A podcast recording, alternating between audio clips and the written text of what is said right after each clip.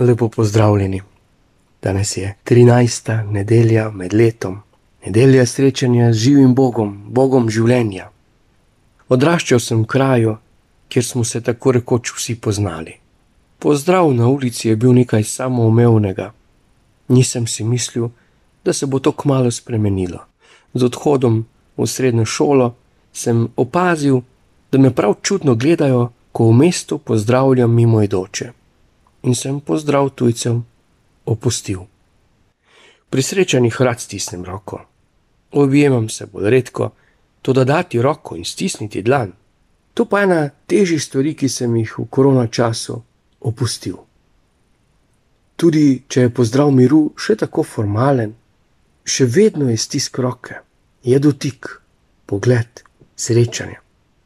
Slišim, da so posledice zaprtosti med štiri stene da marsikdo ne premore več učesnega stika, stisk roke pa je kakor mrtva riba.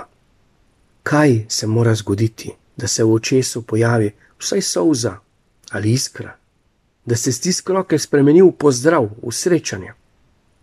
Žena, ki jo srečamo v evangeliju, boleha, ni lahko, vleče se že leta, trpi zaradi bolezni in trpi zaradi zdravilcev, zapravljenega premoženja, časa, srčnosti, še vedno pa upanje.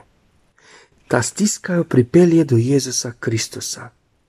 Brez te bolezni bi doma gojila jagode in meliso, pekla bi potico, imela rada vnuke, mučila bi snaho in v prostem času obrekovala sosedo, prepričana, da je ravno prav pobožna, kdaj pa kdaj moli, tudi v tempelj zaide, še posebej za praznike in lepe nedelje.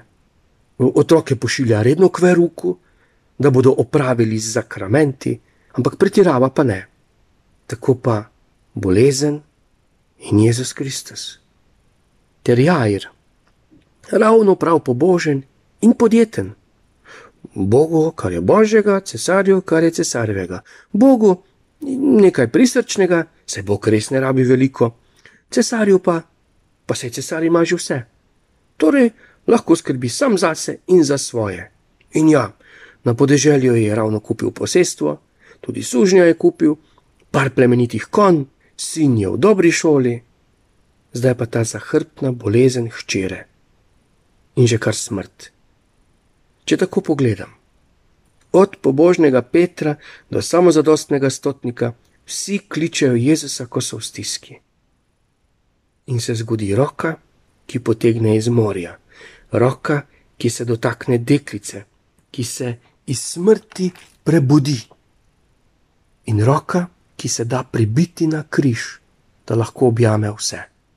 Tiste, ki so radovedni, ki radovedno opazujejo, tiste, ki žugajo, tiste, ki jokajo, tarnajo, tiste, ki sovražijo in tiste, ki ljubijo. Počasi in ustrajno se uresničuje zakon. Iz prvega berila: Bog ni naredil smrti, človek je ustvarjen za nesmrtnost. Nam pa je tako domača ta trpeča umrljivost. Tako smo jo vzljubili, da smo pogosto pripravljeni spregledati večnost. Ustvarjalni v svojih peskovnikih pozabljamo nad veličino življenja, nad prostranostjo večnega in veličino Božjega. Zato nas On spet vodi na drugo stran, da nam odpre obzorje in srce, um in vero. Ko se zgodi, da v življenju obnemoremo, v stiski in nemoči, ko zapravljamo čas in leta in denar in dostojanstvo, zato kar naj bi nas potolažilo in osrečilo, nas milostni trenutek pripelje na pot, da ga srečamo. Ste pomislili, kakšna milost je, da sem krščen? Nič nisem naredil za to, pa nosim božje dostojanstvo. Še v taki temi se zasliši glas Boga meni in tebi, hči, sin, ne boj se, samo veruj. Med tednom sledimo Abrahamu. Res je Bog delal mogočne stvari v njegovem življenju. Toda ne tega kar si je on najbolj želel, da bi imel sina. In smo, kakor mali fantek, ki je molil: Bog, res ti hvala za brata, ampak jaz sem te prosil za psička.